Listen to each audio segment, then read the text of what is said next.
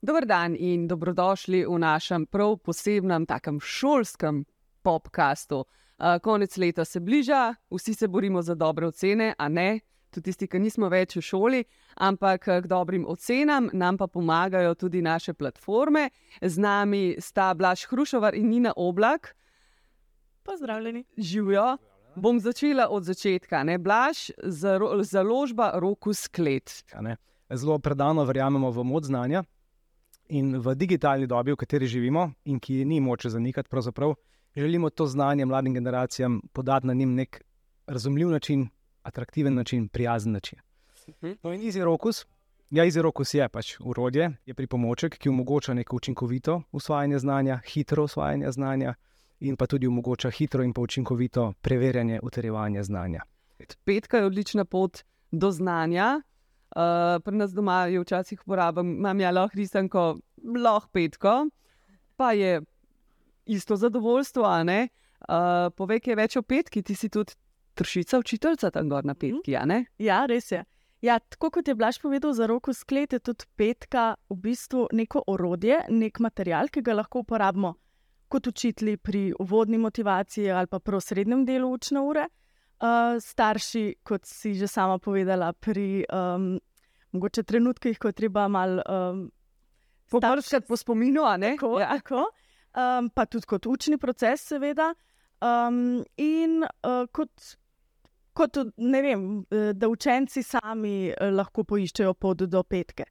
Je pa petka, uh, tako kot sem že rekla, orodje, ki pomaga uh, k boljšemu učenju. In so tam tudi um, motivacijski, uh, motivacijski videi, um, ki zajamejo celotno, um, celotni učni načrt, kar je zelo pomembno, da v bistvu tisto, kar se učijo v šoli, tisto se učijo tudi v petki. Uh, je pa v petki več učiteljev in ena izmed teh sem tudi jaz.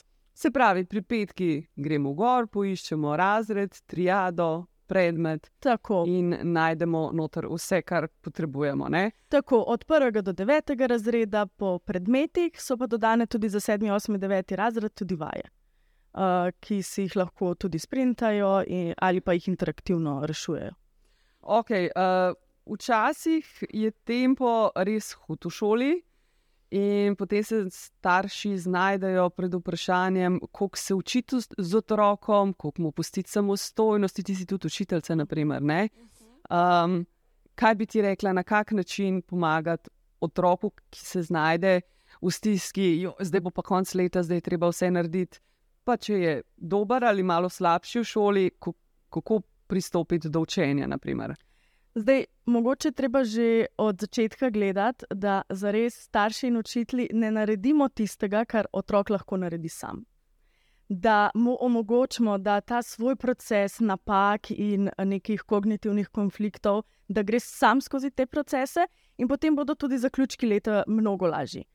Če pa se, seveda, otrok vseeno znajde v nekih stiskah, pa je zelo pomembno, da mu stojimo v strani, da um, lahko nam pove, kaj je tisto, kar, kjer čuti stisko.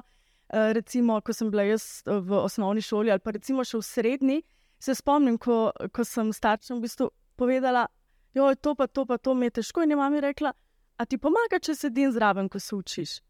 In mi je to mi je res pomagalo, pa mi ni nič pomagalo, ampak to, da je bila prisotna, je bilo meni zelo fajn. In tako lahko tudi mi, kot učitelji ali kot starši, raziskujemo, kaj otrok v tistem trenutku potrebuje in mu tisto pomagamo. Okay, tudi vaše platforme, recimo, kako ste vi pripravljali vaše platforme? Um, ja, mi smo se v prvi vrsti ali pa v preteklosti osredotočili na učitelje. Uh mhm. -huh. Namreč smo mnenja, da učitelj je tisti, ne, Nina, ki, um, ki ve, kaj je dobro za njihove učence, kaj je tisto, kar pije vodo, bom rekel, mm. pri učenju. No, v zadnjem času pa se osredotočamo tudi na uporabniško izkušnjo staršev mm. in pa učencev, in seveda vse te izsledke zbiramo skrbno in jih potem skušamo v kar največji meri vključiti v naše končne produkte. Aha, kakšna pa je recimo razlika med prej, ki ste delali sam učitelji, zdaj, ko imate še starše in otroke? Je bilo treba fulejnih sprememb, ali ste ugotovili, da nekako. V bistvu ugotavljamo, da smo bili kar na dobri poti. Uh -huh. Od- Tu tudi uspešnost naših gradiv, kar se tiče uporabe gradiv v naših šolah. Tako da smo kar na dobri poti. No. Ampak te zadeve s starši in pa učenci bodo pa zadeve še izpili. Pika na i. Tako. Se pravi, ugotavljamo zdaj, da v bistvu učitelji, pa starši in učenci še vseeno govorimo isti jezik, čeprav se včasih zdi, da neko, uh, dobro, ti učiš pet let, verjetno razlike v generaciji pet let nazaj, pa danes, da se pogovarjamo o odnosu učitelji-učenci. Verjetno razlike niso tako velike Ja, kar so. v petih letih. Ja, v, že v petih letih se vidijo gromozanske Aha, razlike. kakšne? Razlike v odnosu učenec-učitelj, uh -huh. v Mhm. odnosu učitelj-starš in tudi učenec-starš. Hm? Um, A smo lahko malo konkretni? No? Ja, lahko. Mogoče lahko že se osredotočimo na to, da se vrednote in naša prepričanja tekom vsega tega hitrega porasta in interneta in nekih ekranov, ki so vse čas prisotni v naših življenjih, da se naše vrednote spreminjajo. Mhm. In kljub temu, da mogoče so včasih, ko rečemo, da, s, da zdaj več delamo kot, kot včasih, mogoče temu ni tako. Ampak naše vrednote so drugačne in prav zaradi tega se odnosi spreminjajo. Uh, mogoče ni več tako velika vrednota pridobiti dobro izobrazbo, pridobiti magisterij, pridobiti doktorat. Ampak so vrednote mogoče drugačne kot v preteklosti. Kako se pa konkretno to kaže v odnosu? Kakšen je odnos, v čem je drugačen, recimo učenca do vas ali pa starša do vas od pet let, meni men je to strašljivo, no, da se je v tolkem času to zgodilo, od pet let nazaj. A je manj spoštovanja, več spoštovanja, več strahu, manj strahu, um, več pogovarjanja, manj. Ka Vsekakor strani učiteljev več strahu. mm. Uh, ker um, so, zdaj ne govorimo za vse. Ne? Pavšalno tako, nadajava. Ja. Tako, um, starši so vstopili v šolo, so, uh, si več drznejo, si več upajo, in mogoče z tega uh, vidika ni več toliko spoštovanja do učiteljev, ne zaupajo več toliko učiteljem. Učitelji pa po drugi strani imajo ogromno dodatnega dela, ki ga včasih ni bilo toliko, papirologije, nekih dokazovanj, da so nekaj naredili, ki je bilo včasih samoumevno, da se nekaj naredi. Mhm. Se pravi, ta angažiranost staršev v bistvu ni tako pozitivna, kot bi si človek mislil. Ne? Ja, zdaj odvisno, kako uh, se zapelje ta komunikacija. Včasih je zelo fajn, da starš rečemo teži, ker s tem pomeni, da mi lahko stopimo z njim, ker imamo isti cilj. ne, Dobro za Je učenje. povratna informacija. Ja. Tako. Torej, še, še vedno komunikacija je zelo pomembna, vendar v, kakšni mer, eh, v kakšnem smislu je ta komunikacija, ali je pozitivna, ali je k skupnemu cilju, ali je samo dokazovanje, da nekdo zmore več kot drugi. Mhm. In tega je ogromno verjetno. Tako. In bi rekla, da recimo, kako se pa od učenci kažejo do učiteljev, da pa starši mogoče več kot so nam včasih, um, da več otrokom povedo, kaj se dogaja. Včasih nismo vedeli, kaj pomeni svet zavoda, naprimer, uh, svet staršev. Zdaj otrok v tretjem razredu to ve. In lahko konkretno pove učitelju, vse moja mama je v svetu staršev in lahko to pa to. Naprimer. Aha. Ok, v redu. Rekli smo, da eden od um, mogoče vz- vzrokov, pomočnikov pri tem, kar se danes dogaja, tudi če se dotaknemo danes najbolj pereče teme nasilje uh, med najstniki in tako naprej, je v veliki meri kriva, so krivi ekrani. Ampak jaz mislim, da mislim, v tem primeru, ne, kako Ja, gledate na slišimo, slišimo, da so eden izmed vzrokov ekrani oziroma uporaba spleta. pa verjetno res do neke mere. Ne? No, res, absolutno, ampak tukaj se moramo zavedati, da uporaba spleta tam, kjer nimamo nadzora, starši nad svojimi otroki, otroci, učenci. Torej, če bi uh, učenci pregledovali petko ali pa Easy Rokus, tam ne bodo našli, tam so preverjene vsebine in tam ne bomo spodbujali nobenega medvrstniškega nasilja. Torej, tako kot smo uh, otroke naučili vožnje s kolesom, dajmo jih, živimo v digitalni dobi, naučiti še Tako. varne uporabe spleta, dajmo uvesti nek starševski nadzor nad socialnimi omrežji in nad vsem ostalim, in verjamem, da skupaj lahko pač pripomoremo k zmanjšanju tega medvrstniškega. Tako izo, iz, izogniti se ne moramo ekranom, ampak dajmo, dajmo jim potem, jih potem osmisliti. Ja, ozavest, ozaveščata. ne. Uh, ekrani sploh niso slabi. Sploh, če uporabljajo petko in uh, roko sklep, sploh niso slabi. Ampak lahko te ekrane unesemo v našo komunikacijo z otrokom in ne rečemo, da ne izdelujemo neke uh, seminarske naloge v PowerPointu, ampak da jemo narediti skupaj video. To je zdaj doba, ki gre naprej. In rečemo, no pa da jemo narediti eno petko v razredu. In uh, mogoče bi postala nova oddaja o, o plazilcih. In... pa se spet mi, ki je stari, ki je naučil. Absolutno. Okay. Um, zdaj vem, da v teoriji obstajajo različni tipi učenja, oziroma učencev. Ja. Um, a mi lahko kaj več o tem poveste in kako naj se mi starši orientiramo znotraj tega, um, da se ne zgubimo ali pa zapičemo preveč v eno reč. Ja, če lahko ni na. Ja, seveda. Um, različni tipi učencev, kot sem jaz seznanjen, pa nisem strokovnjak z tega področja, imamo kognitivne, imamo auditivne, vizualne, pa te gibalne tipe, kinestetične tipe. Tako. In za vse te smo poskrbeli no, znotraj platforme mm -hmm. Easy Rocus. Torej imamo na voljo zvočne posnetke, imamo na voljo video posnetke, torej vizualne zadeve, imamo napotke za učenje preko igre, preko gibanja. Tako da mislim, da pokrivamo vse uh, različne tipe učencev, različne tipe učenja. Sveda je pa najboljša kombinacija vsega skupaj. Ne. To je pa tisto, kar prinaša uspeh. Vedno ni. Uh, ne smemo se ukvarjati s tem, da je um, recimo um, auditivni tip da mu samo zvočne posnetke dajemo. Verjetno mora biti neka zdrava mera kombinacije vseh teh interaktivnih uh, elementov učenja. Se strinjaš, Nina? Ja, točno to. Jaz bi rekla, da je zelo pomembno, da ko mi prepoznamo, da je nekdo bolj slušni tip, recimo, da mu potem ne dajemo samo takih nalog.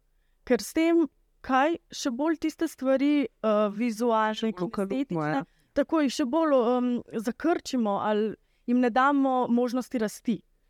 Če pa damo vsega po malem, in to je v Izi Rokusu in v Petki oboje, in vidijo in slišijo, in lahko jim rečejo, da tudi doma nekaj poiščejo in to otipajo, damo jim, tako kot je rekel Blaž, uh, gibalne naloge. Um, to pa oni, tudi tiste stvari, ki so mogoče bolj šipki. Uh, jih do neke mere motiviramo in jim damo možnost, da poskusijo. In tisto, uh, da se urijo tudi v drugih čutilih. Ja. Okay, jaz, jaz sem sicer otroka, ki je um, v prvem razredu, tako da nimamo še kakšnih težav, pa ki upam, da tako ostane. Ampak, recimo, ko je treba z njim kaj početi doma, um, jaz sem najslabši učitelj na svetu, se mi zdi. Rad sem nervozna, da bom jaz pa kar jaz naredila. Se pravi, tudi starši rabimo malo šolanja o šolanju. Kaj bi meni svetovala, vidva? Ja, jaz sem že prej mogoče malo povedala ne, ne naredimo mi tisto, kar lahko otrok naredi sam. Lahko eno prigodo povem, ki se je meni zgodila v Sim. prvem razredu. Uh, bil je učenec, ki se mu je v tiste uh, plastične, ko zavijamo zvezek v tiste plastične plahnice, se mu je ovitek, ja, hvala, se mu je tisto dalo dol. Ne? In uh, reče, rečem, no, kar poskusi dati zvezek v ovitek in se poskuša, je bilo težko, in mu pokažem, ampak mu dam ovitek spet stran. In jaz rečem, no, zdaj poznaš način, kako lahko to narediš, in poskušaj sam. In tisti dan, mislim, da smo se učili črko C, in on se je s tistim ovitkom matral, in jaz sem sama sebi rekla: Bodi potrpežljiva, ne pomagaj mu, črko C se bo pa naučil kasneje. Po 45 minutah je otrok prišel do mene s takimi iskrcami v očeh, učiteljica, uspelo mi je. In jaz sem bila tako, oh, meni tudi. Evo, prav, se bom ja. probala uh, naučiti. Potrpežljivost in ja, to je res. Okay. Absolutno se strinjam z Nino. Bi pa še, pre, dodal še to, da sta platformi EasyRocus in pa Petka v prvi vrsti motivacija. Ne? ki lahko pomaga staršem, da otroke motiviramo za učenje doma. V drugi vrsti uh, te platforme nekako pomagajo staršem, da usmerjajo otroke na pravilno pot. Uh mhm. -huh. Recimo, bo rekel: Jaz pa ne znam fotosinteze pojasniti. Poglej si video posnetek na Izirokusu, reši interaktivno nalogo, dobil boš takojšno povratno informacijo in si boš stvar zapomnil. In se bomo lahko o tem pogovarjali. Hkrati pa vse te. In še jaz bom vedela, kako se z njim pogovarjati o tem. Absolutno. Ne? Hkrati pa vsi ti interaktivni elementi tudi staršem pripomorejo. Ne? Se pravi, da ne samo otrok razume določene zadeve, ampak tudi starš in potem lahko to predaja naprej otroku na pravilen način. Pa mogoče bi jaz tukaj dodala, da ne samo motivacija, ampak lahko zares učimo preko teh posnetkov.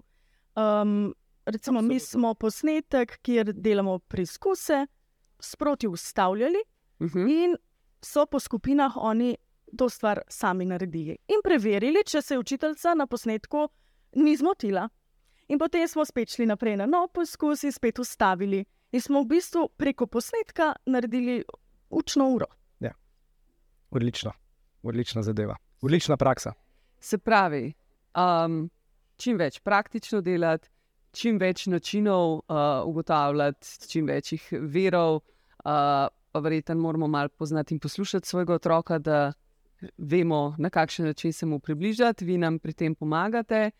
In uh, nobenega stresa zdaj ob koncu šolskega leta, a ne, važno je, da znamo. Ja, Ne. čim manj stresa. Zdržimo do konca, težki so ne, te tedni pred koncem šolskega leta, tako za otroke, kot za starše, in ne na zadnje, moramo si priznati tudi za učitele. Ne, Nina, verjetno. Ja, res je. Ja. Se mi zdi, da se vsakim letom nekaj novega naučimo, tako otroci, starši kot učitelji, uh, in da vsako leto mogoče lažje pridemo skozi ta konec šolskega leta. No, super, vse enkrat se mora obrniti nekam. Nekaj. Hvala lepa za vajen obisk. Uh, preverimo vse, kar sta povedala, tudi v praksi, doma. Absolutno. Uh, in se še kdaj vidimo, srečno. Hvala za povabilo. Ja. Ja. Hvala tudi vam, da ste bili z nami. Upam, da ste dobili uh, dovolj informacij, da jih boste uporabili in da se boste tudi vi iz tega kaj naučili. Jaz definitivno bom. Se vidimo v naslednjem podkastu. Nasvidenje.